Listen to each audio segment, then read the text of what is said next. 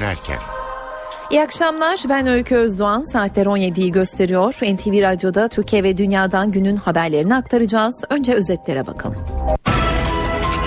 Fransa'da Cumhurbaşkanı François Hollande Türkiye'ye Kobani konusunda kritik bir çağrıda bulundu. Hollande'ın neler söylediğini Fransa'dan canlı bağlantıyla alacağız. Sıcak nokta Kobani'de de çatışmalar şiddetlendi. Amerika havadan Kürt güçleri yerden IŞİD'i vuruyor. YPG örgütün bayrak diktiği bir tepeyi geri aldı. Oradaki durumu da NTV muhabiri Özden Erkuş anlatacak. Kobani eylemlerinin ardından hükümet düğmeye bastı. İç güvenlikle ilgili yeni önlemler içerecek paket yolda. Peki yeni düzenleme ne içerecek? Burada hangi ülke örnek alınacak? Yanıtı az sonra eve dönerken de.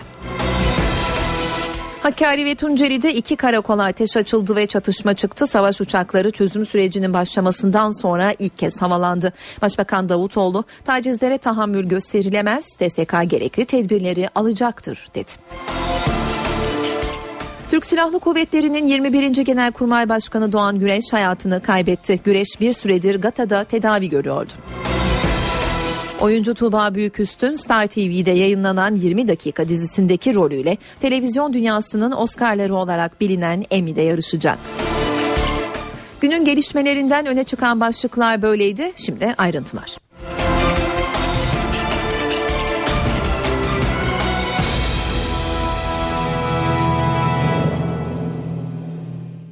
Gündemin en sıcak başlığıyla başlayalım. Kobani'de bombardıman ve çatışmalar sürüyor. Koalisyon güçleri IŞİD hedeflerini havadan vururken Kürt güçler de geçen hafta IŞİD'in bayrak diktiği tepeyi geri aldı. Önce sınıra bağlanalım. Son durumu NTV muhabiri Özden Erkuş anlatacak. Özden bugün Kobani'de durum nedir? Senin bulunduğun noktadan gördüklerini ve aldığın bilgileri dinleyelim. Hem sokak çatışmalarının hem hava bombardımanının devam ettiği bir başka gün daha bitmek üzere Kobani ve Suruç'ta YPG ile IŞİD arasındaki çatışmalar kentin batısı, doğusu ve güneyinde gün boyunca devam etti. Özellikle stratejik öneme sahip Mürşit Pınar sınır kapısı yakınlarında yoğunlaştı zaman zaman çatışmalar. Ancak önceki günlerle kıyaslandığında tansiyonun daha düşük olduğunu söyleyebiliriz. Kent içindeki çatışmalarda ancak sabah saatlerinde önemli bir gelişme de yaşandı. Kentin güneybatısındaki Tilşehir tepesinde YPG sabah saatlerinde bir saldırı düzenledi ve bir süredir IŞİD'in elinde olan Tilşehir tepesi geri alındı. YPG'nin saldırısında çok sayıda IŞİD militanı da öldürüldü. Gelelim hava bombardımanına. Yoğun şekilde gün boyu devam etti koalisyon güçlerinin hava saldırısı. Sık aralıklarla büyük patlamalar ve onların yarattığı duman bulutu kapladı Kobani'nin üstünü koalisyon güçleri tarafından tespit edilen IŞİD hedefleri güdümlü mermilerle vuruldu. Sabah saatlerinden bu yana onun üstünde hava saldırısı gerçekleşti IŞİD hedeflerine. Yoğun güvenlik önlemleri de bölgede devam ediyor. Sınır bölgesinde çok sayıda zırhlı araç sınır hattı boyunca devriye halinde. Yine obüsler ve tanklar da gelebilecek bir tacize karşı teyakkuz halindeydi bugün. Ve elbette yoğun çatışmaların doğal sonucu yaralılar.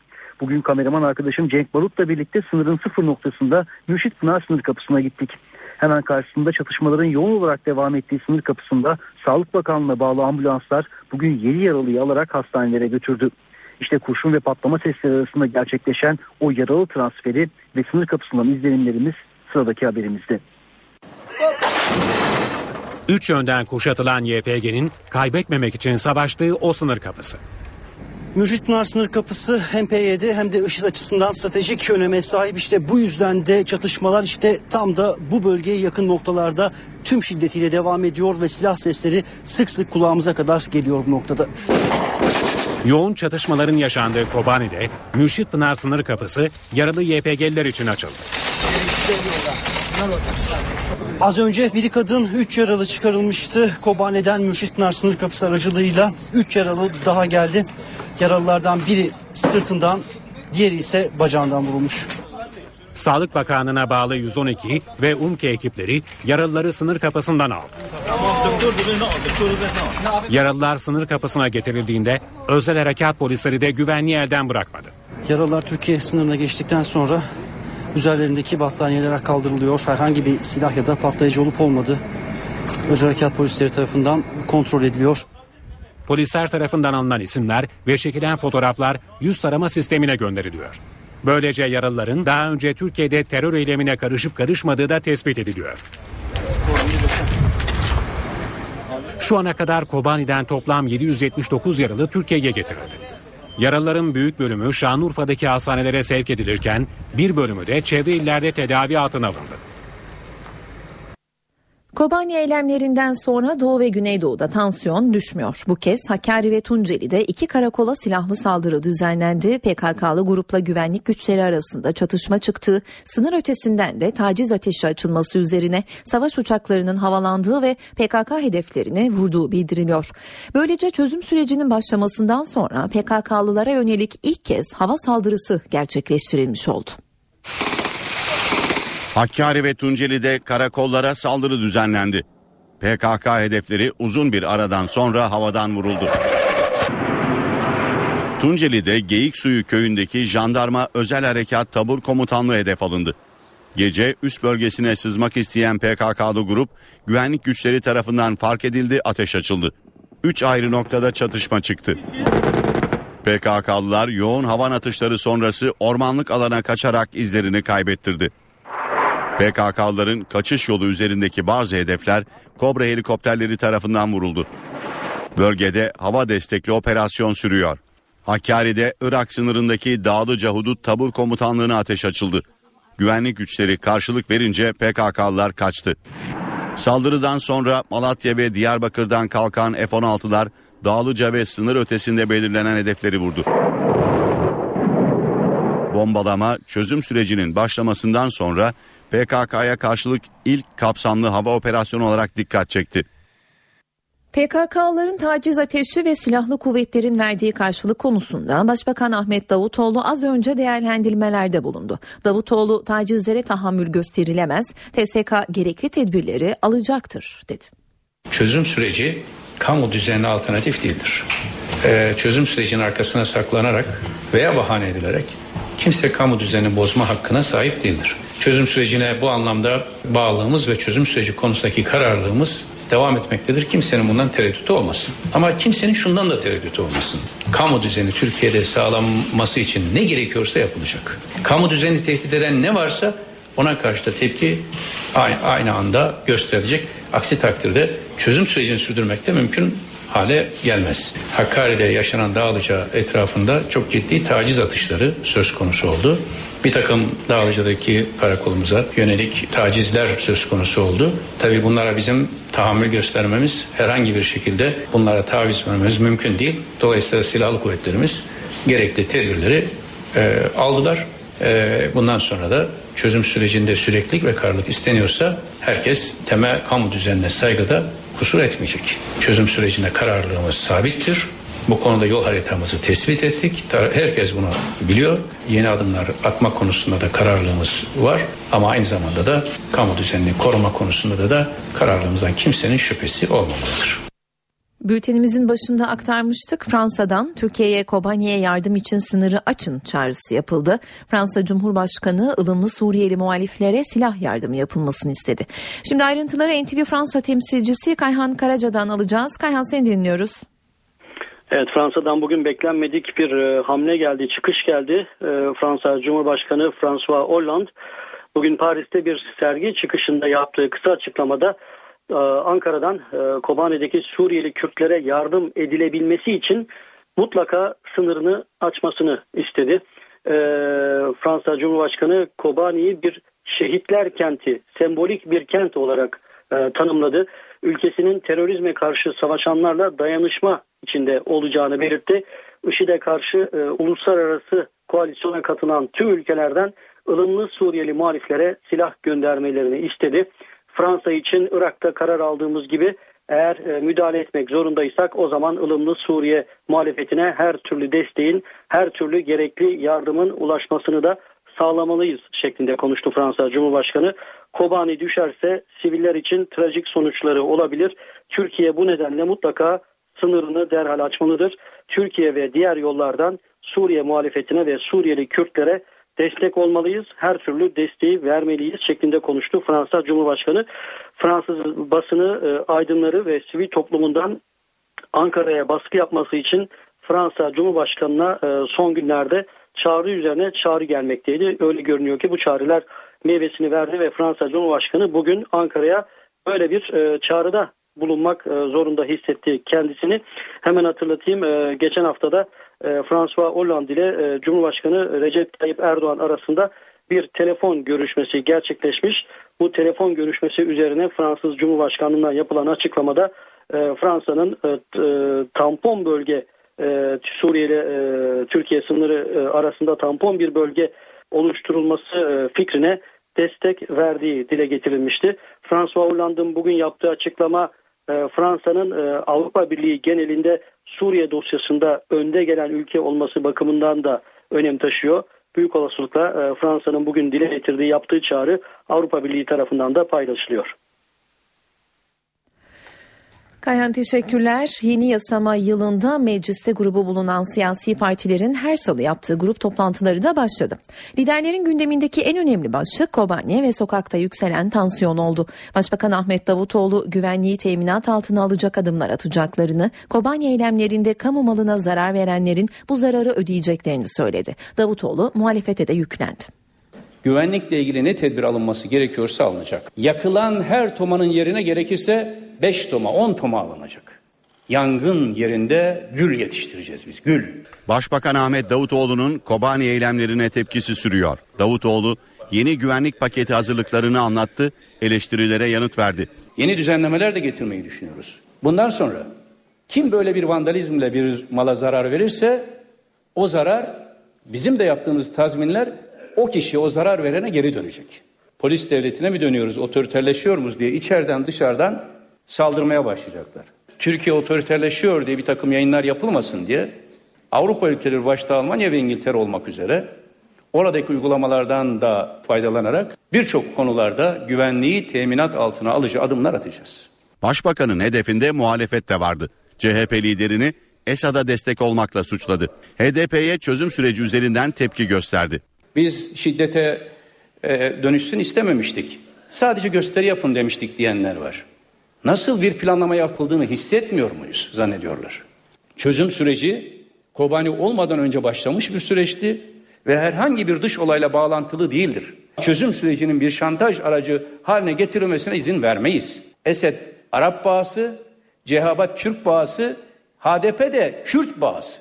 Davutoğlu IŞİD'le ilgili uluslararası baskıya göre adım atacaklarını da söyledi. Entegre bir stratejiyle Suriye krizi tümüyle çözülmeye dönük bir adım atılmadan tek başına birileri istedi diye herhangi bir maceraya girmez.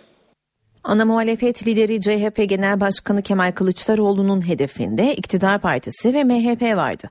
Kılıçdaroğlu hükümetin IŞİD'e yardım ettiği yönündeki iddiasını yineledi. Kürsüden bir de belge gösterdi. IŞİD'e destek vermeyin dedik. IŞİD'e destek veriyorsunuz demek vatana ihanettir. Belgen varsa göster vesaire vesaire vesaire. Belge mi istiyorsun sen? Sana belge. Cumhuriyet Başsavcılığı Adana. Bir savcının ifadesi bu değerli arkadaşlar. Sıradan bir insan değil. Terör örgütlerine silah gönderildiğine dair. CHP Genel Başkanı Kemal Kılıçdaroğlu IŞİD'e destek iddiasını sürdürdü. Grup toplantısında Kobani ile sınırlı yeni tezkere önerisine başbakandan gelen tepkiye yanıt verdi. Eğer IŞİD Kobani'yi alırsa 400 kilometrelik bir sınır komşumuz IŞİD olacaktır. Bir terör örgütüyle komşu olacağız. Şunu düşünmesini isterim bütün vatandaşlarım. PKK terör örgütünün Kuzey Irak'ta neler yaptığını biliyoruz değil mi? Şimdi 400 kilometrelik yeni bir hat daha açılacak. Kılıçdaroğlu tezkere teklifini eleştiren MHP'ye de tepkiliydi. AK Parti ne zaman sıkışsa koltuk değneği hazır dedi. CHP lideri iktidarın parlamenter sistemde sorunu olduğunu ne sürdü. Hedefinde Cumhurbaşkanı da vardı. Ne Cumhurbaşkanlığı koltuğu ne Başbakanlığı koltuğu. İkisi de şu anda fiilen boştur. Son bir haftadır partiler üstü falan kalmadı. Partilerin altında bir yerde zaten. CHP lideri yeni HSYK üyelerine de seslendi. Siyasetin arka bahçesi olursanız yargıya güvensizlik doğar dedi.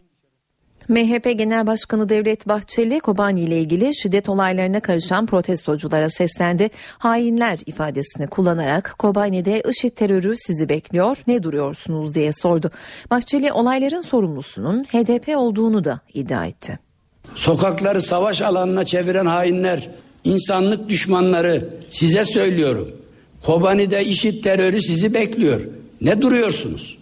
Ne korkuyorsunuz? Yaşanan buhran ve felaket dolu günlerin vebali öncelikle HDP isimli PKK hesabına çalışan siyasi ucubenin üstündedir.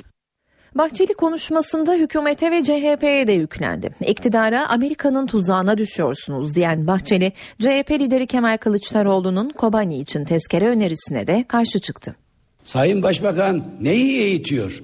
Neyi donatıyorsunuz? ABD'nin tuzağına düştüğünüzü görmüyor musunuz? İşit PKK PYD'nin ikinci plana indiğini fark etmiyor musunuz? Fotokopi başbakanın ağzından çıkanı kulağa duymuş mudur? Davutoğlu PYD terör örgütünü ne hakla hangi yetkiyle meşru görmektedir? Başbakan Ahmet Davutoğlu ile MHP lideri Devlet Bahçeli'nin sokağa çıkın çağrısı nedeniyle tepki gösterdiği HDP eş başkanı Selahattin Demirtaş açıklamalarının arkasında durdu. Partisinin grup toplantısında konuşan Demirtaş, imdat çağrısı nedeniyle sokağa çıkın çağrısı yaptıklarını, sözlerinin arkasında olduklarını söyledi. Demirtaş eleştirilere rağmen hükümete gelin yeniden bir araya gelelim diye seslendi. İmdat çağrısına yapmamız gereken şekilde onurlu bir partinin, halkının yanında olacak bir partinin yapacağı en onurlu tutumu gösterdik. Halkımızla birlikte sokağa çıktık. Yaptığımız budur. Ve halen o çağrının arkasındayız. Tek bir hakaret, tehdit, tek bir şiddet çağrımız oldu mu? Biz bütün bunları yaptık diye şimdi katil olduk, iki yüzlü olduk. İki yıldır bu katliamları iki yüzlülüğü yapanlar ülkenin sahibi oldular. Her halkın sabrı tahammülü bir yere kadardır. Gücünüz yetiyorsa gidin işide karşı savaşın. Niye bizden savaşmamızı istiyorsunuz diyor. 30 gündür anlatıyoruz anlamamış. Senin anlayabileceğin sadelikte anlatayım. Türk ordusu orada gitsin, IŞİD'e karşı savaşsın demedik. IŞİD'e karşı savaşmak için on binlerce genç var, kapıyı açın. Onları orada tükürüğümüzde boğarız dedik. Buna izin vermediler buna. Size yalvaran alçak olsun sizin gibi olsun. IŞİD'in karşısında bugüne kadar asla boyun eğmedi. İstanbul Emniyet Müdürlüğü kentte son bir hafta içinde gerçekleşen Kobani protestolarında toplam 348 kişinin gözaltına alındığını açıkladı. Şüphelilerden 10'u tutuklandı, diğerleri ise serbest kaldı. Zanlılardan 102'sinin 18 yaşın altında olduğu belirtildi. Eylemler sırasında gerçekleştirilen müdahalelerde ve sonrasında yapılan operasyonlarda çok sayıda molotof kokteyli, 2 adet ruhsatsız tabanca, 3 adet pompalı tüfek ve parça tesirli patlayıcı maddeler ele geçirildi. Bye. İstanbul Kadıköy'de HDP üyesi bir grup IŞİD saldırısı altındaki Kobani'ye destek vermek için Beşiktaş Kadıköy arasında sefer yapan vapuru işgal etti. HDP'li grup Kobani halkı bizim için de direniyor yazılı pankart açtı. Saat 10.15'te kalkması beklenen vapurun gecikmesi üzerine yolcular camlara vurarak eylemcilere tepki gösterdi. Slogan atan eylemcilerle yolcular arasında tartışma arbedeye dönüştü. Eylemcilere polisten önce öfkeli yolcular müdahale etti. Daha sonra vapura giren polis eylemcileri gözaltına aldı. Kobani'de IŞİD'e karşı savaşırken hayatını kaybeden Boğaziçi Üniversitesi Sosyoloji mezunu Supi Necat Ağırnaslı için Kadıköy'de taziye çadırı kuruldu. Baba Hikmet Acun cenazesine henüz ulaşılamayan oğlunun kaybından büyük acı duyduğunu söyledi. Bununla birlikte Kobani'de savaşma onun tercihiydi sorgulayamam dedi. Necat'la biz Kobani olayını hiç konuşmadık. Zaten annesine giderken ben Costa Rica'ya İspanyolcamı geliştirmek için gidiyorum diye. Hiçbir yakın çevresindeki arkadaşlarına da bunu paylaşmamış. Supin Nejat Ağırnaslı, Kobani'de IŞİD'e karşı savaşırken hayatını kaybetti. Ailesi cenazesine ulaşamadı. Somut bir haberi alamıyoruz. Bildiğimiz tek şey şu, çatışma bölgesinden geri çekilirken cesetleri alamıyorlar. Bu şu anlama geliyor. Alamadılarsa işin elinde bu cesetler. Babası Hikmet Acun, oğlu için Kadıköy'de kurulan çadırda tazileri kabul ediyor. Necat'ın benim bildiğim kadarıyla onun dışında bir silahlı pratiği yoktu. Tercih ettiği bir ölümü gerçekleştirdi Necat. Ee, bu noktada bir babalık çok büyük acı çekiyorum. Yani o çok kolay bir travma değil benim için. Ee, ama şey de anlamak durumundayım. Yani Necat'ın bu tercihini de anlamak durumundayım. Yani onu incitemem. Ee, onun bu kararını sorgulayamam. Nejat Ağarnaslı Kürt değildi. Peki neden Kobani'deydi? Babası Nejat devrimci mücadelesinde final yaptı diyor. Necat'ın zihni dünyasına çok hızlı saldıran bir olay oldu. Kobani çok somut bir şeydi çünkü e, yani bir tarafta Kürtler var olmaya çalışıyorlar, kendilerini kurtarmaya çalışıyorlar, devrimi bir taraftan inşa etmeye çalışıyor ve bu bizim bir ıslık yakınımızdaki bir mesafedeki olan bir, bir şey. Sadece ailesi ve arkadaşları değil, geçmişte eylemlerde destek verdiği işler de Kadıköy'deki taziye çadırında. Özellikle de tersane işleri.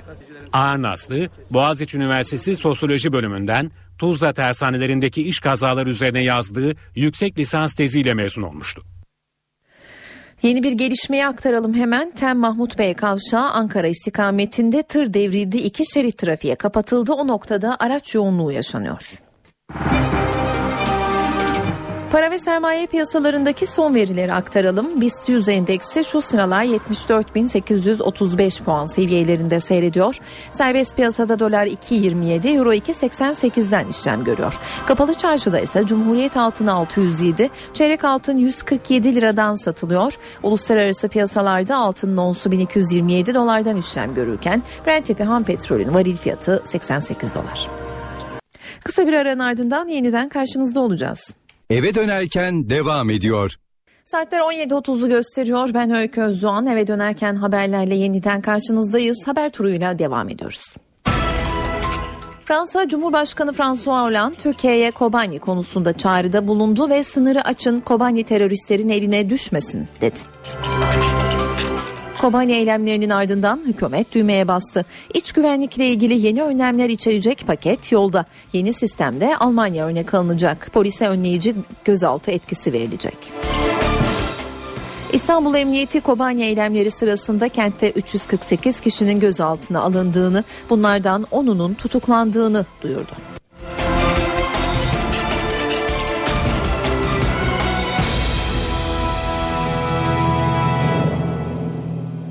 Türkiye bugün şehitlerini uğurluyor. Kocaeli'de pazar günü düşen helikopterde şehit olan 4 asker memleketlerinde toprağa verildi. Pilot binbaşı Deniz Akdeniz Kocaeli'de, Assubay Ömer Burak Öğüt Eskişehir'de, Üsteğmen Çağrı Ceyhan İstanbul'da, kıdemli Üst Çavuş Mehmet Karakaşoğlu ise Ankara'da son yolculuklarına uğurlandı. Görev dönüşü Sivas'ta devrilen otobüste şehit olan 3 polis memuru da toprağa verildi bugün. Emrah Horoz Elazığ'da, Beşir Kurt Malatya'da, Fatih Çevik ise Mersin'de son yolculuğuna uğurlandı. Türk Silahlı Kuvvetleri'nin 21. Genelkurmay Başkanı Orgeneral Doğan Güreş tedavi gördüğü Gülhane Askeri Tıp Akademisi'nde vefat etti. Doğan Güreş 90'lı yıllara damgasını vuran bir genelkurmay başkanıydı. Onun kurduğu sistemler, koyduğu prensipler ve kişiliğinde yatan özellikler daima yaşayacaktır. 21. Genelkurmay Başkanı emekli Orgeneral Doğan Güreş vefat etti. Sen operasyona katıldın mı? Katıldım komutanım. 88 yaşında hayata gözlerini yuman Doğan Güreş, bir süredir Ankara Gülhane Askeri Tıp Akademisi'nde tedavi görüyordu. Doğan Güreş 1926 yılında Adana'da dünyaya geldi. 1963 yılında girdiği Harp Akademisi'ni 1965 yılında bitirerek kurmay subay oldu. 1973 yılında Tuğgeneral, 1977 yılında Tüm General, 1981 yılında Kor General, 1985 yılında Or Generalliğe yükseldi. 6 Aralık 1990 tarihinde Necip Torum tayin istifası üzerine Genelkurmay Başkanlığı görevine atandı. Görev süresi 1993 yılında dolmuştu. Ancak Bakanlar Kurulu kararıyla süre bir yıl uzatıldı. 4 yıllık Genelkurmay Başkanlığı görevinde sarf ettiği bir sözle akıllara kazındı. Güreş, dönemin Başbakanı Tansu Çiller'e atıfta bulunarak kullandığı tak emrediyor, şak yapıyorum ifadesi uzun süre konuşuldu. Güreş 1994 yılında üniformasını çıkardı. Doğru Yol Partisi ile politikaya girdi. 20 ve 21. dönemde Kilis milletvekili oldu. Atatürk ilke ve inkılaplarına bağlı kalacağıma. Meclise düzenlenecek bir oylama ile ilgili eğer oylamaya katılmazsam bana etek yedirin demesi de akıllarda kaldı. için memleket için evvela hayırlı olsun. Güreş bir süredir Gata'da tedavi görüyordu. Hastaneden edinilen bilgiye göre solunum ve çoklu organ yetmezliği nedeniyle vefat etti. Hüseyin Üzmez cezaevinden tahliye edildikten 12 gün sonra hayatını kaybetti. 14 yaşındaki bir kız çocuğuna cinsel taciz suçundan cezaevine konulan Üzmez, psikolojik sorunları ve prostat hastalığı nedeniyle tahliye edilmiş, Ankara'da bir hastanede tedavi görüyordu. Adana'da Kürtçe yayımlanan Azadiya Velat ve Gündem gazetelerini dağıtan 46 yaşındaki Kadri Buldu silahlı saldırıda hayatını kaybetti. Görgü tanıklarının ifadesine göre sabah Güneydoğu'dan göç edenlerin yaşadığı Ova mahallesinde gazete dağıtımı yapan Kadri Buldu'nun yanına yaklaşan maskeli iki kişi ateş edip kaçtı. Başından yaralanan Buldu kaldırıldığı hastanede yaşamını yitirdi. Saldırganlar aranıyor. Ameliyat malzemesi olmadığı için hastanelerde ameliyatların durması krizi çözüldü. Sosyal Güvenlik Kurumu 1 Ekim itibariyle ameliyat malzemelerine ödediği ücretlerde indirime gidince kamu hastaneleri malzeme alamaz hale gelmişti. Özellikle beyin, kalp ve ortopedi gibi alanlarda birçok ameliyat bu nedenle iptal ediliyordu. Resmi gazetede bugün yeni bir sağlık uygulama tebliği yayımlandı. Buna göre Sosyal Güvenlik Kurumu ameliyat malzemelerine ödediği parayı artırdı ve kriz çözüldü. Azerbaycan ve Türkiye'nin ortak yürüttüğü Trans Anadolu Doğalgaz Boru Hattı projesinde sona yaklaşılıyor. Azeri gazını Türkiye üzerinden Avrupa'ya taşıyacak projede boru hattının döşenmesi için imzalar bugün atıldı. Gaz akışı 2018 yılında başlayacak. Bu bir barış projesidir. Bu hat üzerindeki ülkeler arasındaki dostluklar pekişecektir. Çok büyük bir yolun başındayız. Petrol veya doğal gaz fiyatlarının inişine çıkışına ayarlı savaşlar ve barışlar yerine insanlığa lütfedilen bu nimetlerin ortak kullanım aracı olarak görüyoruz. Trans Anadolu Projesi Doğalgazda Rus tekelini kıracak, Azeri gazını Türkiye üzerinden Avrupa'ya taşıyacak hat. İlk imzalar Eylül sonunda Bakü'de atılmıştı. Boru hatlarının döşenmesi için şirketlerle de imzalar atıldı. TANAP projesi kapsamında Türkiye'den geçecek hattın uzunluğu 1800 kilometre olacak. 2 milyon ton kapasiteli hat Türkiye'nin 21 ilinden geçecek. Boru hattının %80'ini Türk şirketler yapacak. İmalatın %80'inin Türk firmaları tarafından gerçekleştirecek olması da Türk sanayinin ulaştığı kapasiteyi ortaya koymaktadır. 19 tane firma çok farklı ülkelerden katılmışlardı ve bu ihalede çok iyi bir performans göstererek de en az bu hattının %80'ini Türkiye'deki sanayiciler almış oldu. TANAP projesinin yapımında 5000'den fazla kişiye istihdam sağlanacak. İlk gaz 2018'de akacak. Temel eğitimden orta öğretime geçiş yani kısa adıyla TEOK sonuçlarıyla İstanbul'da bir okula alabileceğinden çok daha fazla öğrenci kaydedilince sınıf yetmedi. Okul yönetimi çaresiz eğitim gününü 5 günden 4 güne indirdi. İnsan yapası gelmiyor okulda 10 ders görünce sıkılıyor eve gidip ister istemez insan sıkılıyor televizyon falan izliyor bilgisayarda. Haftada 4 gün, günde 10 saat ders ve 3 gün tatil. Bu ilginç uygulama İstanbul'da Şehit Binbaşı Bedir Karabıyık Teknik ve Endüstri Meslek Lisesi'nde. Sefaköy'deki bu okulda bu yıl farklı bir uygulama var. Haftada 5 gün ders yerine 4 gün ders yapılıyor. Gerekçe ise kontenjan fazlalığı. Bu yıl 400 yerine 600 öğrenci yerleştirilmesi üzerine toplam mevcudu 1100 olan okulda derslik sorunu yaşanmaya başlandı. Bunun üzerine sınıf sayısında denge sağlamak adına her sınıfın farklı bir günü boş bırakıldı. Üstelik okulda olmadıkları gün öğrenciler yoklamada varsayılıyor. Okul yönetimi bundan başka çare yok diyor ancak öğrenciler ve veliler şikayetçi. Öğlen iki buçukta evimize gidiyorduk yani çok rahattık. Hem ders çalışmaya vakit buluyorduk hem dinlenmeye vakit buluyorduk. Yani şu anda akşam 5'te çıkıyoruz 4.30-5 arası. Evimize gidiyoruz zaten direkt uyuyorum ben yani. Bir de mesafe var. Bir saatlik yol gelecek okuyacak öğrenci. Bir saatte gidiş 2 saat. Oldu 12 saat. 12 saatin dışında bu adam ne yapabilir? Sosyal hayat bitiyor. Ödev de verilecek. Bu ödevlerin içinden nasıl çıkacak? Kısa bir ara veriyoruz. Yeniden karşınızda olacağız. Eve dönerken devam ediyor. Eve dönerken programı spor haberleriyle devam ediyor. Sözü Volkan Küçük'e bırakıyoruz. Spor haberleri başlıyor.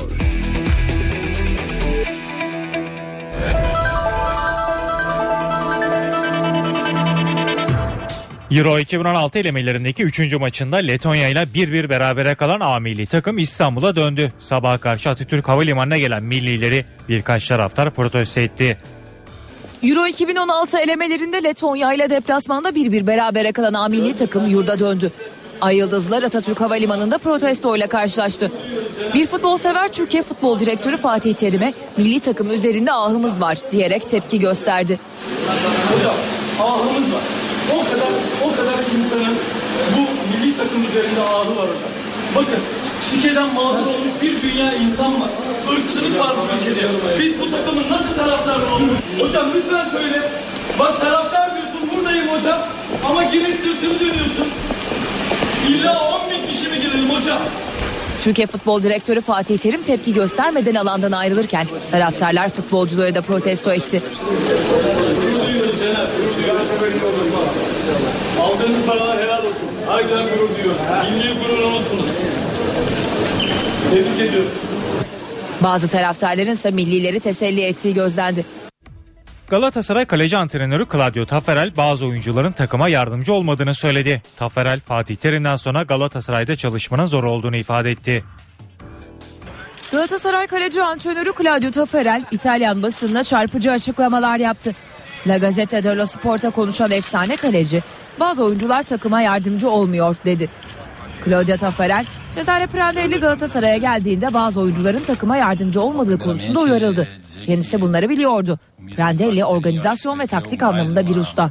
İtalyanlar yaptığı işi titizlikle yapıyor. Mancini de aynı şekildeydi. ifadelerini kullandı. Aynı zamanda Brezilya milli takımında da kaleci antrenörlüğü yapan Tafarel, Fatih Terim'den sonra burada çalışmak açıkçası zor. Daha kaybedilen ilk maçta görevden alma konuşmaları başlıyor. Bu yüzden Prandelli'nin işi zor diye konuştu. Galatasaray'da teknik direktör Cesare Prandelli derbiye hızlı başlayarak ilk 30 dakikada gol bulmanın hesaplarını yapıyor. Sarı Kırmızılılarda forvet hattında kimin oynayacağıysa Burak Yılmaz'ın durumuna göre netlik kazanacak. Galatasaray'da derbi taktiği oluşmaya başladı. Teknik direktör Cesare Prandelli hücum pres üzerinde duruyor. Derbide ilk 30 dakikanın önemli olduğunu düşünen Prandelli maça hızlı ve baskılı başlayıp skor avantajını elde etmek amacında. Oyuncularından özellikle rakip sahada pres yapmalarını isteyen İtalyan teknik direktör kadro yapısını da bu anlayışa göre oluşturacak. Prandelli futbolcularına birbirlerine yakın olup kısa mesafede oynamaları gerektiğini anlatıyor. Sağ içinde oyuncular arasındaki mesafeyi daraltmak isteyen tecrübeli teknik adam Fenerbahçe derbisinde hücum baskısının galibiyeti getireceği görüşünde. Burak Yılmaz'ın sakatlık durumuna göre forvetteki seçeneğini belirleyecek olan İtalyan teknik direktör orta sahayı Melo, Selçuk ve Snyder'e emanet edecek. Prandelli milli takımdan dönecek Olcan, Hamit, Cemali ve Buruma'nın performanslarını da yakından takip edecek. Deneyimli teknik direktörün savunma kurgusunu ise Tarık, Şerjo, Semih ve Teliz'den oluşturması bekleniyor. Ancak yabancı kuralından dolayı Hakan Balta'nın Teliz'in yerine sol bekte görev alma ihtimali bulunuyor. Prandelli'nin defans için bir başka seçeneği ise Veysel'i sağ bekte oynatıp Tarık Çamdal'a savunmanın solunda görev vermek.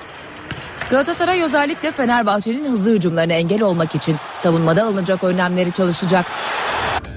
Galatasaray derbisi öncesi Fenerbahçe Teknik Direktörü İsmail Kartal'ı kadro kurma konusunda zorlayan unsurların başında yabancı kontenjanı geliyor. Kartal elindeki 8 oyuncudan hangi 5'ini kullanabileceğini formülünü bulmaya çalışıyor. Fenerbahçe Teknik Direktörü İsmail Kartal bir yandan taktiksel anlamda takımını derbiye hazırlarken bir yandan da yabancı kontenjanıyla boğuşuyor. Bekir'in cezası nedeniyle savunma alternatifleri ortaya çıktı.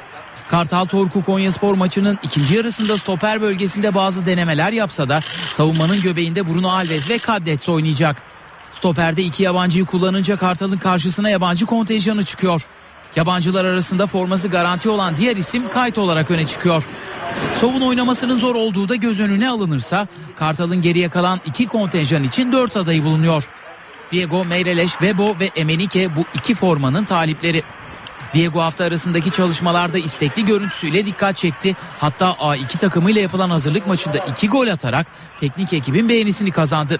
Bunlar Diego için bir avantaj ancak Brezilyalı'nın ligde henüz skora katkı yapamamış olması ve sert oyuna tam anlamıyla alışamaması da dezavantajları olarak görünüyor. Mereleş milli takım arasını takımla çalışarak ve kuvvet depolayarak geçirdi. Henüz sakatlıktan yeni çıkması sebebiyle milli takıma alınmayan Portekizli bu arada kendini tamamen hazırladı ve derbide hocasından forma bekliyor. Ve bu İsmail Kartal'ın son maçlardaki gözdelerinden. Torku Konyaspor maçında attığı gol, istekli görüntüsü ve milli takımı bıraktığı için bu arayı takımla geçirmesi Kamerunluyu bir adım öne çıkarıyor. Ancak Vebo geçtiğimiz günlerde annesini kaybetti ve tecrübeli ismin morali oldukça bozuk. Formanın bir diğer talibi Emenike ise taraftarla ve kaptanı Emre ile yaşadığı gerginlik sonrası formayı son iki maçta Vebo'ya kaptırmıştı. Galatasaray maçı Nijeryalı Yıldız için bir çıkış ve taraftarla barışma şansı olarak görülüyor. Ancak Vebo'nun son maçtaki iyi oyunu ve gol atması Emenike için dezavantaj olarak değerlendiriliyor. Nijeryalı oyuncunun milli takımdan geç dönecek olması, diğer arkadaşlarından daha az derbi antrenmanı yapacak olması ise kendisini gösterme şansını azaltıyor. İsmail Kartal tüm bu değerlendirmeleri yaparak rakip analizini de dikkate alarak kadrosunu aceleci davranmadan kuracak. Bu haberle spor bültenimizin sonuna geldik. Hoşçakalın. İstanbul'daki trafik durumunu aktaralım. Köprülerden başlayalım. Anadolu yakasından Avrupa yakasına geçişlerde Boğaziçi Köprüsü'nde yoğunluk Acıbadem Köprüsü'nden başlıyor. Fatih Sultan Mehmet Köprüsü'nde ise Çavuşbaşı'ndan itibaren köprü çıkışına kadar yoğun görünüyor trafik. Aksi istikamette Fatih Sultan Mehmet Köprüsü'nün yoğunluğu daha fazla şu sıralarda Finans kentten başlıyor. Sıkışıklık ve kesintisiz olarak köprü çıkışında Kavacık'a kadar sürüyor. Boğaziçi Köprüsü'ne baktığımızda ise gişelere doğru artan yoğunluk öncesinde Perpa'dan başlıyor ve Anadolu yakasına geçildiğinde Altunizade'ye kadar sürüyor. Sonrasında yerini açık bir trafiğe bırakıyor. Bültenimizin programımızın içinde de belirtmiştik. Mahmut Bey kavşağında yaralanmalı bir trafik kazası söz konusu ve iki şerit trafiğe kapatılmış durumda. Bu nedenle bölge trafiği Mahmut Bey kavşağı İstoç yönü e, oldukça yoğun görünüyor şu sıralarda. Anadolu yakasına baktığımızda ise sahil kesiminde Kartal Bostancı istikametinde bir yoğunluk göze çarpıyor. Yine Anadolu yakasında trafiğin yoğun olduğu bir başka güzergahsa Kartal'dan itibaren Dudullu'ya kadar yoğun görünüyor trafik. Avrupa yakasında güzergah olarak bir bölgeyi daha ekleyelim. Bahçeşehir'den itibaren trafik oldukça yoğun. İyi yolculuklar dileriz.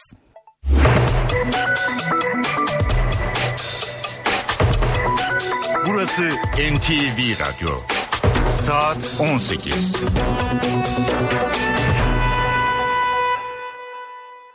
Eve dönerken haberlerle yeniden karşınızdayız. Ben Öykü Özdoğan. Türkiye ve dünyada günün öne çıkan haberlerini aktarıyoruz. Önce başlıklar. Fransa Cumhurbaşkanı François Hollande Türkiye'ye Kobani konusunda çağrıda bulundu ve sınırı açın Kobani teröristlerin eline düşmesin dedi. Kobani'de çatışmalar şiddetlendi. Amerika havadan, Kürt güçler yerden IŞİD'i vuruyor. YPG örgütün bayrak diktiği bir tepeyi geri aldı. Kobani eylemlerinin ardından hükümet düğmeye bastı. İç güvenlikle ilgili yeni önlemler içerecek paket yolda. Peki yeni sistemde hangi ülke örnek alınacak? NTV temsilcisi Güldener Son Umut ayrıntıları aktaracak. Hakkari ve Tunceli'de iki karakola ateş açıldı ve çatışma çıktı. Savaş uçakları çözüm sürecinin başlamasından sonra ilk kez havalandı. Başbakan Ahmet Davutoğlu tacizlere tahammül gösterilemez, TSK gerekli tedbirleri alacaktır dedi.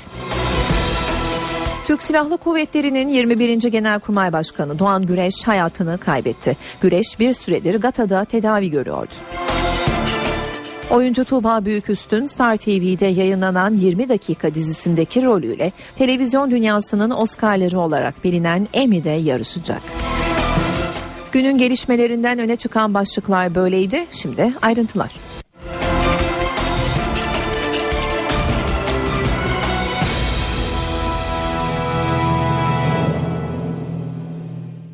Türkiye'nin IŞİD'le mücadele kapsamında atacağı adımlar önümüzdeki günlerde netleşecek. Yetkililerin açıklamalarına bakıldığında Suriyeli ılımlı muhaliflerin eğitilmesinin Türkiye tarafından yapılacağı söylenebilir. Bu konuda Başbakan Ahmet Davutoğlu konuştu. Eğitim konusunda yasal bir boşluk yok dedi. Davutoğlu Suriye'de güvenli bölge kurulması şart olduğunu da yineledi. Bu faaliyetlerle ilgili olarak uluslararası toplumun Birleşmiş Milletler'in aldığı kararlar var biliyorsunuz. Suriye'deki faaliyetler konusunda. Ayrıca bütün Türkiye'de bu e, tarz faaliyetler ki biz baştan beri eğit donat çalışmasının Suriye'de ılımlı muhalefeti desteklemek ve Suriye'de bir güç boşluğu oluşmasını engellemek için hep gündeme getirdiğimiz hususlardandır. Herhangi bir yasal boşlukta bu anlamda yoktur. Kesinlikle bir askeri tampon bölge ile karıştırılmamalıdır. Hiçbir zaman böyle bir talepte bulunmadı. Türkiye herhangi bir şekilde kendisi için bir askeri tampon bölge talebinde değil. Sivil halk için insani gerekçelerle güvenli bölge talebinde bulunuyoruz. Suriyeli mazlum halk oraya sığınır, orada kalır ve orada ihtiyaçları karşılanır. Uçuşa yasak bölgede yine son 3 yıl içindeki biz mülteci istatistiklerine baktığımızda 3,5 yıl esas büyük mülteci akınlarının kara harekatı olduğu veya kara operasyonları olduğu dönemlerde değil, hava saldırılan olduğu dönemlerde görüyoruz. Bir kere her şeyden önce havadan gelecek bu tür saldırılara karşı sivil halkın korunması şart. Fransa Cumhurbaşkanı François Hollande Kobani konusunda Türkiye'ye çağrıda bulunduğu sınır mutlaka açılmalı dedi. Paris'teki Arap Dünyası Enstitüsü'nü ziyareti sırasında açıklama yapan Hollande, Kobani'nin teröristlerin eline düşmesi sivil nüfus açısından çok ciddi sonuçlar doğurabilir. Türkiye üzerinden Suriyeli Kürtlere tüm desteğimizi ulaştırmalıyız diye konuştu. IŞİD'e karşı savaşan koalisyonun dışında kalan ülkelere de çağrı yapan Oland, bu örgütün özellikle Kobani'deki ilerleyişine karşı mücadele edenlere gerekli tüm imkanların sağlanmasını istedi. Sıcak nokta Kobani'de IŞİD militanları ile YPG güçleri arasında çatışmalar sürüyor. Amerika dün gece boyu hava saldırısı düzenledi. YPG güçleri de yerde örgüt kontrolündeki bir tepeyi ele geçirdi. IŞİD'in Kobani kuşatmasında bir ay geride kaldı. Kentte kuşatmanın 30. gününde de yoğun hava bombardımanı ve sokak çatışmaları vardı. Gece boyu devam eden çatışmalar sabahın ilk ışıklarıyla birlikte yerini koalisyon güçlerine ait uçakların hava operasyonlarına bıraktı. Kentin batısı ve doğusundaki IŞİD hedefleri güdümlü bombalarla tahrip edildi. YPG'nin ilerleyişi Amerika Birleşik Devletleri öncülüğündeki koalisyonun hava saldırılarıyla hızlandı.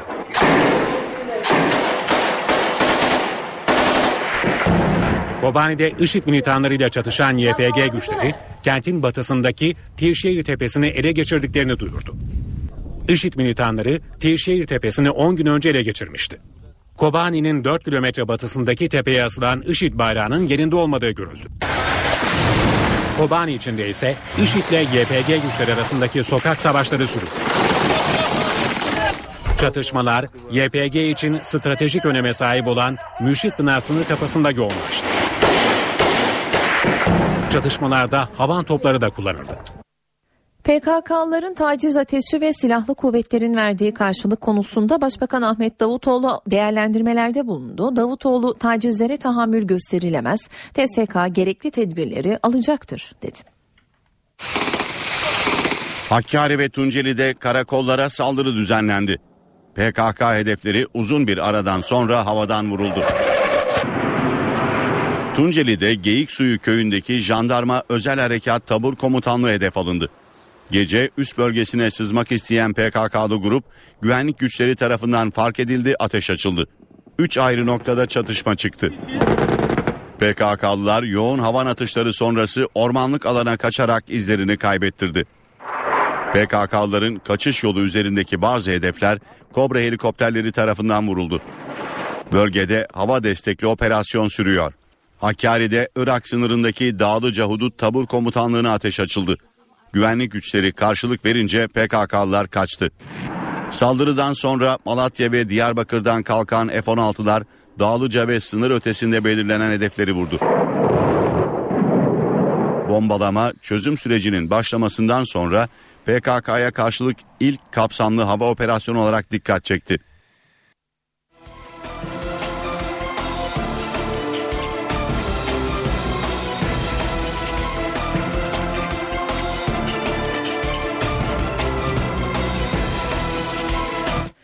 Başbakan Ahmet Davutoğlu bugün grup toplantısında söyledi. Kobani eylemlerinin ardından hükümet iç güvenlikle ilgili yeni önlemler içeren bir paket hazırlıyor. Paketle kamu malına zarar verenlere yönelik cezaların artırılması ve şiddet eylemlerine katılanların tutuksuz yargılanmalarının önüne geçilmesi hedefleniyor. Polise gerektiğinde şüphelendiği bir kişiyi gözaltına alma yetkisi verilmesi de gündemde. Bu hükümler Almanya'da ve bazı Avrupa ülkelerinde geçerli. Başbakan Yardımcısı Bülent Arınç da dün bu saatler günlerde Bakanlar Kurulu toplantısından sonra yaptığı açıklamada Avrupa'da oluyorsa bizde neden olmasın dedi. Peki Avrupa'da asayiş olaylarında ve öncesinde çark nasıl işliyor? Polise hangi yetkiler tanınıyor? NTV temsilcisi Güldener Son Umut bu soruya açıklık getirecek. Güldener Avrupa ülkelerinde polisin yetkileri nedir? Göstericilere ne tür cezalar veriliyor? Göstericilere son derece caydırıcı cezalar veriliyor. Bu yüzden de göstericiler genelde toplu eylemlere katıldıkları vakit kuralların dışına çıkmamaya çalışıyorlar. Örneğin polis göstericileri dağıtmak amacıyla önce gaz ardından plastik kurşun ardından kauçuk kurşun ve gerekirse flashball olarak denen kauçuk topları kullanabiliyor. Şayet göstericiler polisin ve kamunun güvenliğini tehdit edecek hayati bir tehdit söz konusuysa silahını önce e, topluluğu dağıtmak amacıyla kullanma yetkisi bulunuyor. Ardından da gerekirse göstericiler doğrudan kolluk kuvvetlerinin güvenliğini, sağlığını, hayatını tehlikeye atacak bir durumla bir, bir harekette bulunduran ise o takdirde gerekirse önce uyarı ateşi ardından da göstericilerin hayatına mal olmayacak bir şekilde gösterici yönelik olarak ateş edebiliyorlar. İkinci önemli e, unsur özellikle gözaltı süreleri gösteriler esnasında kamu e, mallarına zarar verilmesi halinde ve bunun kasti bir şekilde yapılmış olması halinde örneğin Almanya'da 6 aya kadar hapis cezalarının söz konusu olması halinde söz konusu sanık gözaltına alınabiliyor. Bu gözaltı süreleri 24 ile 48 saate kadar çıkabiliyor.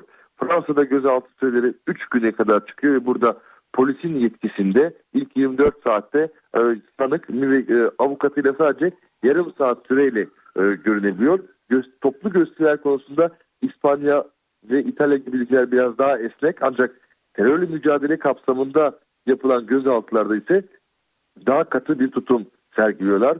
Buradaki önemli olan unsur gözaltı sürelerinin ötesinde gösteriler esnasında e, polisin e, iyi bir komuta kontrol komutanı ve amirinin bulunması ve talimatlı amirler tarafından verilmesi ve sürecin de her zaman sorgu hakimi ya da sorgu savcısı tarafından da takip edilmesi öykü. Güldener teşekkürler. NTV temsilcisi Güldener Sonumut telefon hattımızdaydı.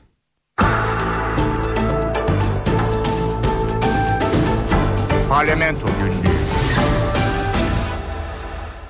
Yeni yasama yılının ilk grup toplantıları bugün gerçekleştirildi. Liderler kürsüden gündemdeki konuları değerlendirdi. Öne çıkan mesajları parlamento günlüğünde NTV muhabiri Miray Aktağ Uluç anlatacak. Miray?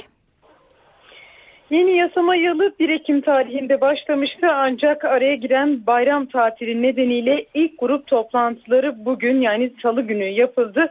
Başbakan Ahmet Davutoğlu ile başlayalım. Yeni güvenlik paketi gündemde hem iktidar hem muhalefetin gündemindeki başlıklardan biri bu. Ahmet Davutoğlu güvenlik paketine yönelik hazırlıklara gelen tepkilere yanıt verdi ve Avrupa'dan örnekler inceleyeceğiz. Ne tedbir gerekirse alacağız dedi. Ahmet Davutoğlu AK Parti'nin grup toplantısında HDP ve CHP'yi de hedef aldı Kobani eylemleri nedeniyle. Davutoğlu konuşmasında şu ifadeleri kullandı. Yakılan her tomanın yerine 5-10 toma daha alınacak dedi. Yeni paketle ilgili olarak da şu ifadeleri yine kullandı. E, kim zarar verdiyse tazminler o kişi tarafından yapılacak dedi. Yani gösteriler ve eylemler sırasında kamu malına ve çevreye zarar veren kişiler bizzat kendisi o verdiği zararı ödeyecek. Polis devletine mi dönüştürülüyor şeklinde eleştiriler var tabii yeni güvenlik paketiyle ilgili olarak. E, bu konuyla ilgili olarak da Ahmet Davutoğlu Almanya ve İngiltere başta olmak üzere pek çok sistemi incelediklerini ifade etti ve bunları da göz önünde bulundurarak düzenlemelerin yapılacağını söyledi. Davutoğlu'nun açıklamasının, grup konuşmasının ana mesajları bu şekildeydi. CHP lideri Kemal Kılıçdaroğlu ise hem iktidar partisini hem Cumhurbaşkanı Erdoğan'ı hem de Milliyetçi Hareket Partisi'ni hedef aldı. Hükümetin IŞİD'e yardım ettiğini savunuyor CHP lideri ve bu e, iddiasını bugünkü grup toplantısında da bir kez daha söyledi. CHP Genel Başkanı bununla ilgili bir belge de sundu. Kobani konusunda yaptığı açıklama vardı. Burnumuzun dibindeki olaya kayıtsız kalamayız. Aksi bir terör örgütüyle komşu olacağız dedi ve CHP'nin yeni tezkere önerisine karşı çıkılmasına e, eleştirileri oldu. Cumhuriyet Halk Partisi liderinin e, Cumhurbaşkanı Recep Tayyip Erdoğan da de hedefinde demiştik. Erdoğan'ın e, ana muhalefeti eleştirmesine yine tepki gösterdi ve yemin törenine katılmamakla doğru bir karar verdiklerini söyledi. Milliyetçi Hareket Partisi'ni de tezkereye destek verdikleri için eleştirdi ve iktidar ne zaman sıkışsa koltuk değneği hazırdır Milliyetçi Hareket Partisi dedi. MHP lideri Devlet Bahçeli'nin açıklamalarının satır başlarına gelecek olursak Kobani eylemlerine katılanlar için hainler dedi ve olayların faturasını Halkların Demokrasi Partisi'ne çıkardı MHP lideri Devlet Bahçeli. Suriyeli muhaliflerin eğitilmesi konusunda da açıklamaları vardı. Amerika Birleşik Devletleri'nin tuzağına düşüyorsunuz dedi hükümete ve CHP lideri Kemal Kılıçdaroğlu'nun Kobani için tezkere önerisi Bahçeli'nin gündemindeydi. Ee, az önce Kılıçdaroğlu'nun ona verdiği yanıtı söylemiştik. Bahçeli ise Türkiye'nin IŞİD'e karşı PKK, PYD'nin hesabında savaşmasını dillendirenlerin ya şuurları kapalı ya zihinleri bulanık ya da milli hafızaları tamamen siliktir dedi Kemal Kılıçdaroğlu'na yönelik olarak yani bugün iki muhalefet partisinin de atışması vardı aslında e, Türkiye Büyük Millet Meclisi'nde. Halkların Demokrasi Partisi ile bitirelim. HDP eş genel başkanı Selahattin Demirtaş da bugün kürsüdeki isim ve çok tartışılan sokağa çıkın çağrısı ile ilgili açıklama yaptı ve o çağrının arkasında olduklarını yineledi. Demirtaş gücünüz yetiyorsa gidin IŞİD'le savaşın diyen MHP lideri Devlet Bahçeli'ye de yanıt verdi ve şiddet çağrısı yapmadık dedi. Gücünüz yetiyorsa IŞİD'le savaşın diyen Bahçeli'ye Türk ordusu orada IŞİD'e karşı savaşsın demedik biz dedi. IŞİD'e karşı savaşmak için on binlerce genç var ifadelerinde kullandı. Halkların Demokrasi Partisi'nin eş genel başkanı Selahattin Demirtaş. Peki Miray bugün böyleydi. Yarın da Meclis Adalet Komisyonu önemli bir düzenlemeyi görüşecek. O düzenleme kimleri ilgilendiriyor ve hangi hükümleri içeriyor? O düzenleme hakim ve savcıları ilgilendiren bir düzenleme. HSK seçimlerinden önce meclise gönderilmişti ve bir tartışma yaratmıştı aslında. Hatta muhalefetten gelen değerlendirmeler arasında e, bu siyasi bir rüşvet de denilmişti. Neden muhalefet siyasi rüşvet olduğunu e, düşünüyor? Çünkü hakim ve savcılara zam e, öngörüyor. E, başka hangi haklar var? Hemen aktaralım. E, öncelikle hakim ve savcılara getirilecek olan 1155 liralık bir zam var. Böylece en düşük maaş 5140 lira civarında oluyor. En yüksek maaş ise 10 bin liranın daha üstünde bir maaş. E, böylece hakim ve savcıların maaşları 5 bin ila 10 bin arasında değişmiş olacak. Hukuk fakültesi olmayan idari yargıda görev yapan hakim ve savcılarla danıştay üyeleri sınava girmeden hukuk eğitimi alabilecekler. Hakim ve savcılar disiplin affına e, disiplin affı getiriliyor hakim ve savcıların. Bu ne anlama geliyor? 2005-2013 yıllarında kendilerine verilen disiplin cezaları varsa onlardan muaf olacaklar ve devam eden kovuşturmalar da tamamen işlemden kaldırılıyor. Yani disiplin suçları siliniyor hakim savcıların.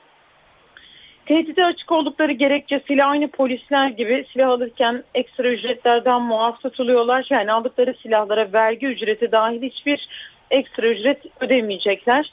Soruşturmaların daha hızlı ilerlemesi için duruşmaların savcısız yapılmasının önü açılacak ve aktif olarak 3 yıl çalışan bir avukat hakim ve savcılık sınavına girme hakkı kazanacak daha önce söz konusu sınava girmek için 5 yıl gerekiyordu. Şimdi düzenlemenin maddeleri bu şekilde yarın Adalet Komisyonu'nda görüşülecek. Belki bazılarında değişikliği de gidilebilir. Ee, bunu yarın göreceğiz ama Adalet Komisyonu'nun yarın gündeminde bu konu var. Bu düzenlemenin hemen bir ay içerisinde yasalaşması bekleniyor. HSYK seçimlerinden sonra gündeme geldi ama aslında geçen haftadan hükümet meclise gönderildikten sonra bu çarşamba görüşüleceği belirlenmişti. Yani HSYK seçimleri tamamlandıktan sonra bu düzenlemenin bugün gündemde e, yarın gündemde olacağı zaten geçen haftadan belliydi onu da belirtelim. Hı. Muhalefet partileri ise düzenlemenin zamanlamasına tepki gösteriyor demiştik. Zammın tüm kamu çalışanlarını kapsaması gerektiğini savunarak bu konuda önergede vermeye hazırlanıyorlar. Yarın da gündemdeki başlık bu düzenleme olacak gibi görünüyor öyle. Teşekkürler Miray. Parlamento günlüğünde NTV muhabiri Miray Aktağoluç bizimleydi. NTV Radyo Türkiye bugün şehitlerini uğurluyor. Kocaeli'de pazar günü düşen helikopterde şehit olan 4 asker memleketlerinde toprağa verildi. Pilot binbaşı Deniz Akdeniz Kocaeli'de, Assubay Ömer Burak Öğüt Eskişehir'de, Üsteğmen Çağrı Ceyhan İstanbul'da, Kıdemli Üst Çavuş Mehmet Karakaşoğlu ise Ankara'da son yolculuklarına uğurlandı. Görev dönüşü Sivas'ta devrilen otobüste şehit olan 3 polis memuru da toprağa verildi bugün. Emrah Horoz Elazığ'da, Beşir Kurt Malatya'da, Fatih Çevik ise Mersin'de Berlin'de son yolculuğuna uğurlandı. Türk Silahlı Kuvvetleri'nin 21. Genelkurmay Başkanı Orgeneral Doğan Güreş tedavi gördüğü Gülhane Askeri Tıp Akademisi'nde vefat etti. Doğan Güreş 90'lı yıllara damgasını vuran bir genelkurmay başkanıydı. Onun kurduğu sistemler, koyduğu prensipler ve kişiliğinde yatan özellikler daima yaşayacaktır. 21. Genelkurmay Başkanı emekli Orgeneral Doğan Güreş vefat etti. Sen operasyona katıldın mı? Katıldım komutanım. 88 yaşında hayata gözlerini yuman Doğan Güreş, bir süredir Ankara Gülhane Askeri Tıp Akademisi'nde tedavi görüyordu. Doğan Güreş 1926 yılında Adana'da dünyaya geldi.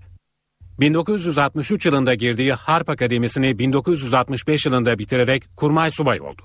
1973 yılında Tuğgeneral, 1977 yılında Tüm General, 1981 yılında Kor General, 1985 yılında Or Generalliğe yükseldi. 6 Aralık 1990 tarihinde Necip Torum tayin istifası üzerine Genelkurmay Başkanlığı görevine atandı. Görev süresi 1993 yılında dolmuştu. Ancak Bakanlar Kurulu kararıyla süre bir yıl uzatıldı. 4 yıllık Genelkurmay Başkanlığı görevinde sarf ettiği bir sözde akıllara kazındı. Güreş, dönemin Başbakanı Tansu Çiller'e atıfta bulunarak kullandığı tak emrediyor, şak yapıyorum ifadesi uzun süre konuşuldu. Güreş 1994 yılında üniformasını çıkardı. Doğru Yol Partisi ile politikaya girdi. 20 ve 21. dönemde Kilis milletvekili oldu. Atatürk ilke ve inkılaplarına bağlı kalacağıma. Meclise düzenlenecek bir oylama ile ilgili eğer oylamaya katılmazsam bana etek giydirin demesi de akıllarda kaldı. memleket için evvela hayırlı olsun. Güreş bir süredir Gata'da tedavi görüyordu. Hastaneden edinilen bilgiye göre solunum ve çoklu organ yetmezliği nedeniyle vefat etti. 14 yaşındaki kız çocuğuna cinsel taciz suçundan hapis cezası alan ve sağlık sorunları nedeniyle 12 gün önce tahliye edilen Hüseyin Üzmez hayatını kaybetti. Duruşma için ne diyeceksiniz Hüseyin Bey? Cinsel taciz suçuyla girdiği cezaevinden sağlık sorunları nedeniyle tahliye edildi. 83 yaşındaki Hüseyin Üzmez 12 gündür tedavi gördüğü hastanede hayatını kaybetti.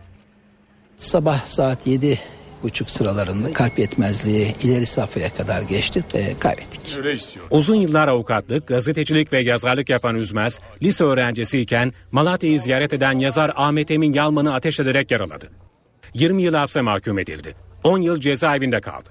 Sen bir şey söyleyecek misiniz? Hüseyin Üzmez'i Türkiye 2008 yılında hakkında açılan cinsel taciz davasıyla tanıdı.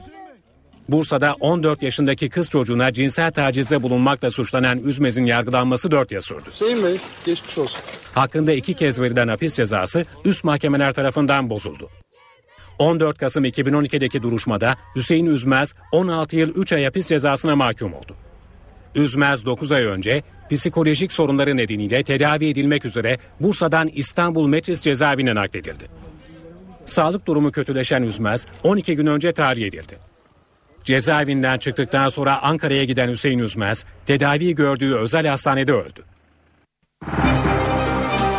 Para ve sermaye piyasalarındaki işlemlere bakalım. Günü nasıl kapattıklarına bakalım. BIST 100 endeksi günü 74.687 puandan tamamladı. Serbest piyasada dolar 2.27, euro 2.88'den işlem gördü. Kapalı çarşıda Cumhuriyet altın 608, çeyrek altınsa 147 liradan satıldı. Kısa bir aranın ardından yeniden karşınızda olacağız. Eve dönerken devam ediyor. Saat 18.30 NTV Radyo'da eve dönerken haberlerde haber turu başlıyor. Başbakan Ahmet Davutoğlu Suriyeli ılımlı muhalefete verilecek eğitim hakkında konuştu. Bu konuda yasal bir boşluk yok dedi. Başbakan Suriye'de güvenli bölge kurulması gerektiğini de yineledi. Fransa Cumhurbaşkanı François Hollande Kobani'ye yardım edilebilmesi için Türkiye'den sınırı açmasını istedi.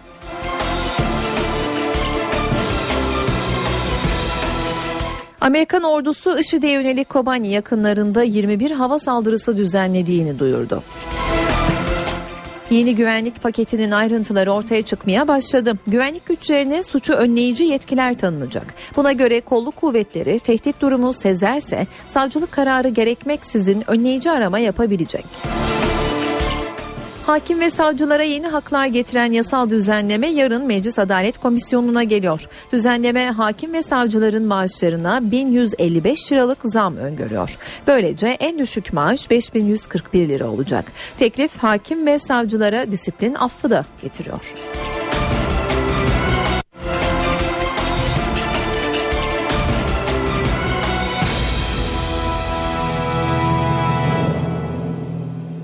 Alınan önlemlere rağmen işçi ölümlerinin önüne geçilemiyor. Mersin'de inşaattan, Konya'da inşaattaki iskeleden düşen iki işçi yaşamını yitirdi. Mersin'in Silifke ilçesinde 5 katlı inşaatın çatısında çalışan sıva ustası Muzaffer Alataş dengesini kaybedip düştü. Alataş olay yerinde yaşamını yitirdi. Konya'da ise işçi bayramı Kara Aslan iki katlı binanın iskelesinde ısı yalıtım çalışması yaparken düştü.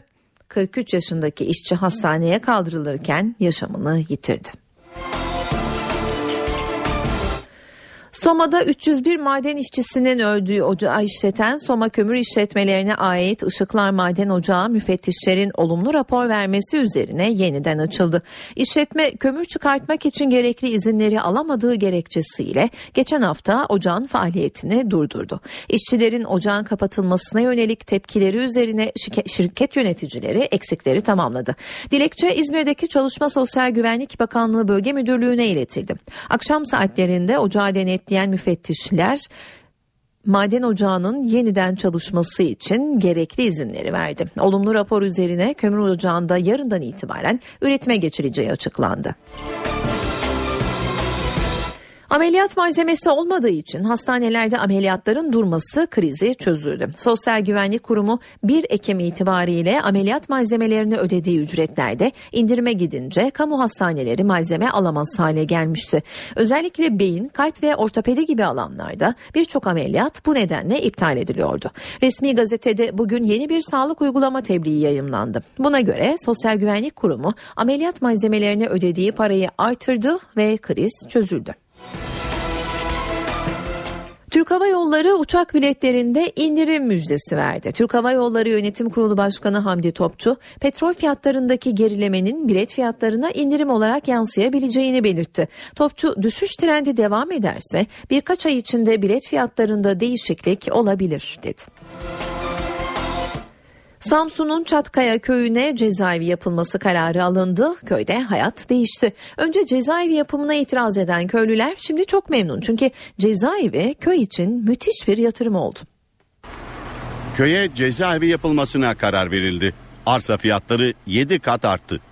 Önceden 10-15 milyardı şimdi 60-70 milyar falan. Dönümü. Evet.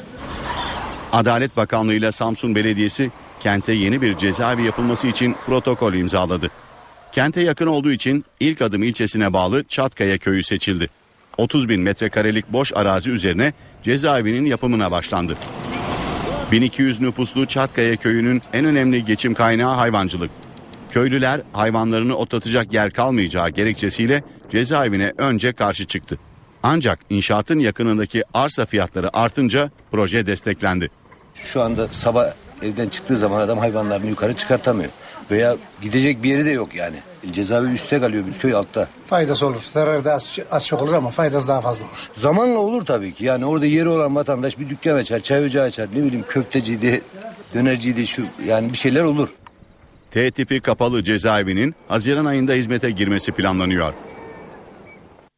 Bolu'da tünelinde temizlik çalışmaları nedeniyle Ankara yönü bu gece İstanbul yönü yarın ve perşembe gecesi ulaşıma kapatılacak.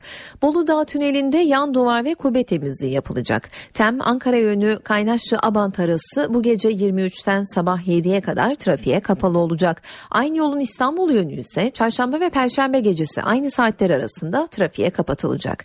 Sürücüler çalışma boyunca E5 karayoluna yönlendirilecek. İstanbul Mahmut Bey gişelerde tem üzerinde bir tırla mıcır yüklü kamyon devrildi. Kaza nedeniyle iki şerit ulaşıma kapandı. Tem Edirne istikametinde yoğunluk var. İstoç yolunda Edirne istikametinde mıcır yüklü kamyon aşırı hız nedeniyle kontrolden çıkarak yan yattı. Yol trafiğe kısmen kapandı. Tem Mahmut Bey kavşağı Ankara istikametinde ise bir tır devrildi. İki şerit trafiğe kapandı. Bölgede trafik yoğunluğu var. Kısa bir aranın ardından yeniden karşınızda olacağız. Eve dönerken devam ediyor. Saatler 18.40'ı gösteriyor. Ben Öykü Özdoğan eve dönerken haberlerle yeniden karşınızdayız. Dünya 4000 kişinin ölümüne neden olan Ebola'ya karşı yapılan aşıyı konuşuyor. Bir ilaç firmasının geliştirdiği aşı şimdi insanlar üzerinde denenecek. Uzmanlar umutlu. Bu arada virüs Avrupa kıtasında da can almaya başladı. Almanya'da bir kişi hayatını kaybetti. Ebola tedavisinde yeni umut belirdi. Kanada merkezli bir ilaç firmasının geliştirdiği aşı insanlar üzerinde denenmeye başlıyor. Söz konusu aşı önce sağlıklı insanlar üzerinde denenecek. Yan etkileri belirlenecek ve dozajı ayarlanmaya çalışılacak. Uzmanlar aşıdan umutlu. Zira daha önce hayvanlar üzerinde denenen aşı %100 etkili oldu. Aşılanan hayvanlar hem virüsten etkilenmedi hem de virüse maruz kalanlar aşıyla birlikte yaşam şanslarını artırdı.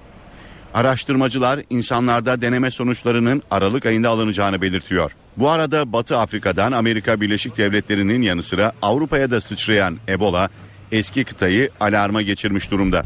İngiltere başkent Londra'daki Heathrow havaalanında riskli ülkelerden gelecek yolcular için tarama yapmaya başlıyor. Tarama zamanla kentteki diğer havaalanlarında da artarak devam edecek.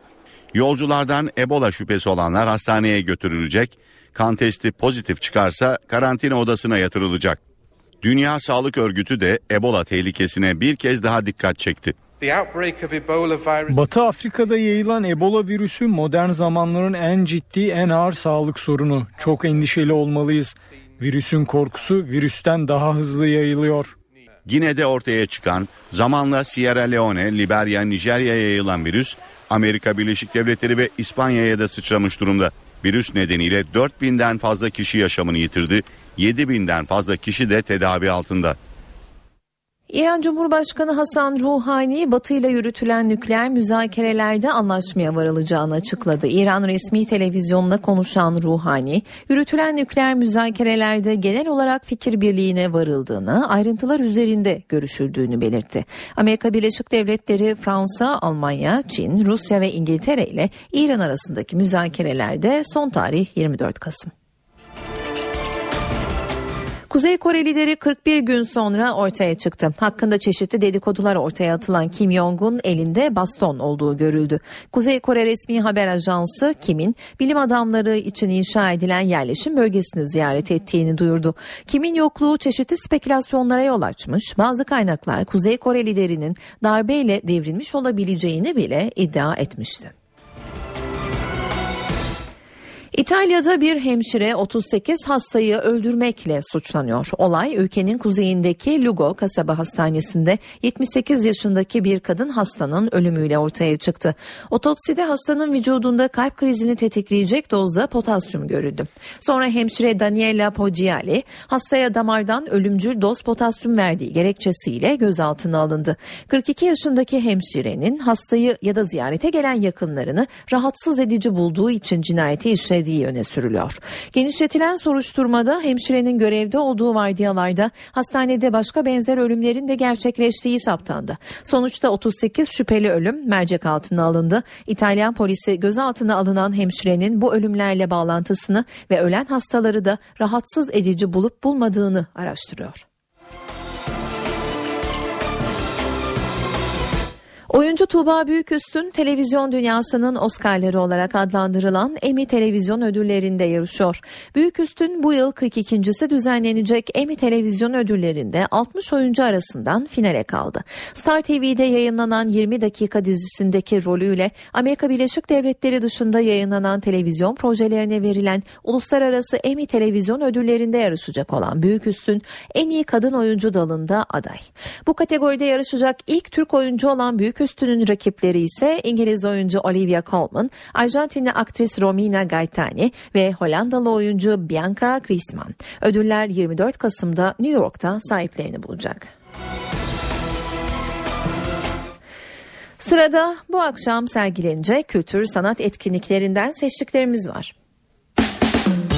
Perküsyon sanatçısı Burhan Öcal, Trakya All Stars'la birlikte 3. Uluslararası Klarnet Festivali'nde sahneye çıkıyor bugün. Gruba klarnetin yeni yıldızlarından Sali Okka eşlik edecek. Cemal Reşit Rey'deki konser saat 20.30'da başlayacak.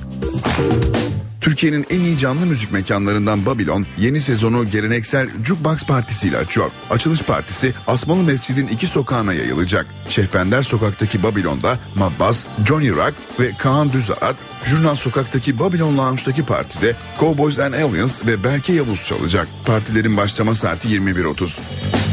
Film ekimi devam ediyor. Bugün 21.30'da Atlas sinemasında Rus filmi Levet'in var. Kanda en iyi senaryo ödülünü alan film yozlaşmaya karşı cesur bir başyapıt olarak nitelendiriliyor. Yine aynı saatte Beyoğlu sinemasında ise Çile adlı film gösterilecek. Alman-Fransız ortak yapımı olan film kökten dincilik üzerine bir taşlama. 21.30'da Nişantaşı Cities'de Jessica Chastain'la James McAvoy'un başrolünde olduğu Aşkın Halleri Kadıköy Rex'te acımasız bir caz ustasıyla genç davulcu öğrencisi arasındaki gerilimli ilişkiyi ele alan Amerika yapımı Whiplash adlı filmleri görebilirsiniz. Akşam evde olacaksanız saat 22'de CNBC'de Game Change adlı filmi izleyebilirsiniz. 2008'deki Amerika Birleşik Devletleri başkanlık seçimlerini içeriden bir bakışla anlatan film, kırdığı potlarla gündem yaratan Cumhuriyetçi Başkan Yardımcısı adayı Sarah Palin'i mercek altına alıyor. Bugün Star TV'de de saat 20.30'da Kaderimin Yazıldığı Gün adlı yeni dizi ekranda olacak. Eve dönerken haberlere ara veriyoruz. Saat başında yeniden karşınızda olacağız. Eve dönerken devam ediyor. İyi akşamlar. Batıda sıcaklıklar yeniden yükselmeye başladı. Yarın Lodos sıcaklıkları daha da yükseltecek. İç ve doğu bölgelerde ise şimdilik önemli bir değişiklik görünmeyecek. Pazar günü karayel dönecek rüzgarla sıcaklıkların kuzeyden başlayarak yeniden ve hızla azalmasını bekliyoruz. Yarın Marmara ve yağış etkisini kaybederken Güneydoğu'da daha kuvvetli olmak üzere yurt genelinde yağışlar aralıklarla da olsa devam edecek. Yağışların Mardin, Diyarbakır, Batman ve Bingöl'de çok daha kuvvetli olmasını bekliyoruz.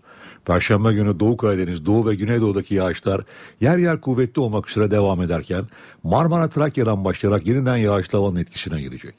Cuma günü Güneydoğu'daki yağışlar giderek hafiflerken Marmara, Karadeniz, İç Anadolu ve Doğu Anadolu'nun batısındaki yağışlar aralıklarla devam edecek. İstanbul'da yarın hava açık ve biraz ısınıyor. Gündüz sıcaklık 21, gece ise 16 derece olacak.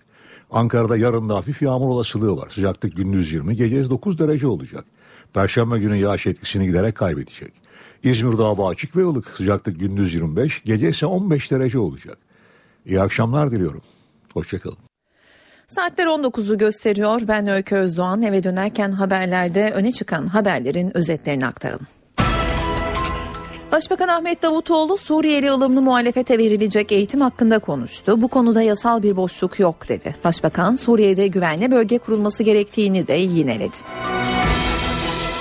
Fransa Cumhurbaşkanı François Hollande Kobani'ye yardım edilebilmesi için Türkiye'den sınırı açmasını istedi. Amerikan ordusu IŞİD'e yönelik Kobani yakınlarında 21 hava saldırısı düzenlendiğini duyurdu. Kobani eylemleriyle hazırlıkları başlayan yeni güvenlik paketi netleşiyor. Buna göre güvenlik güçlerine savcı kararı olmadan önleyici arama yetkisi verilecek. Mala zarar veren bedelini ödeyecek.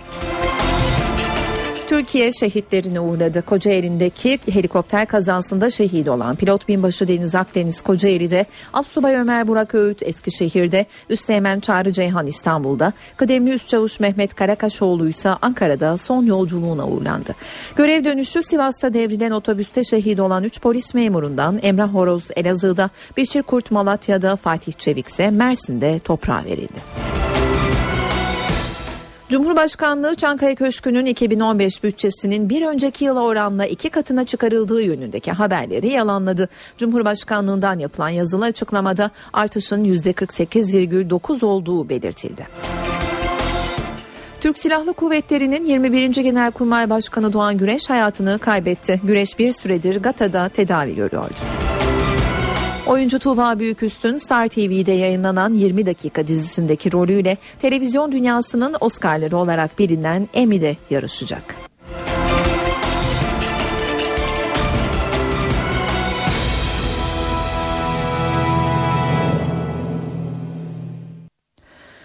İstanbul'daki yol durumunu aktaracağız ama sıcak bir gelişme var. Hemen onu e, duyuralım. AK Parti milletvekilleri Ramazan Can'la Recep Özel, Hakimler ve Savcılar Kanunu'nda değişiklik yapılmasını öngören yasa teklifini meclis başkanlığına sundu.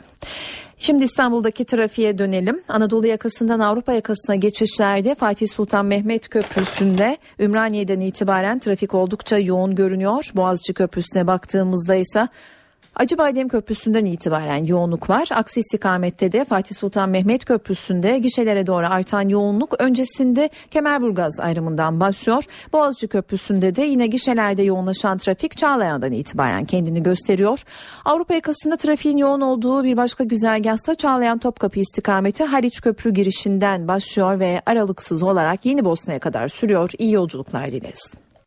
Eve dönerken haberlerin sonuna geldik. Ben Öykü Özdoğan, editör Sevan Kazancı, teknik masada Mehmet Can Baltır. İyi akşamlar diliyoruz. NTV Radyo yayını kısa bir aradan sonra Cem Dizdar ve Gürcan Bilgiç'in sunduğu Çift Forvet programıyla devam edecek.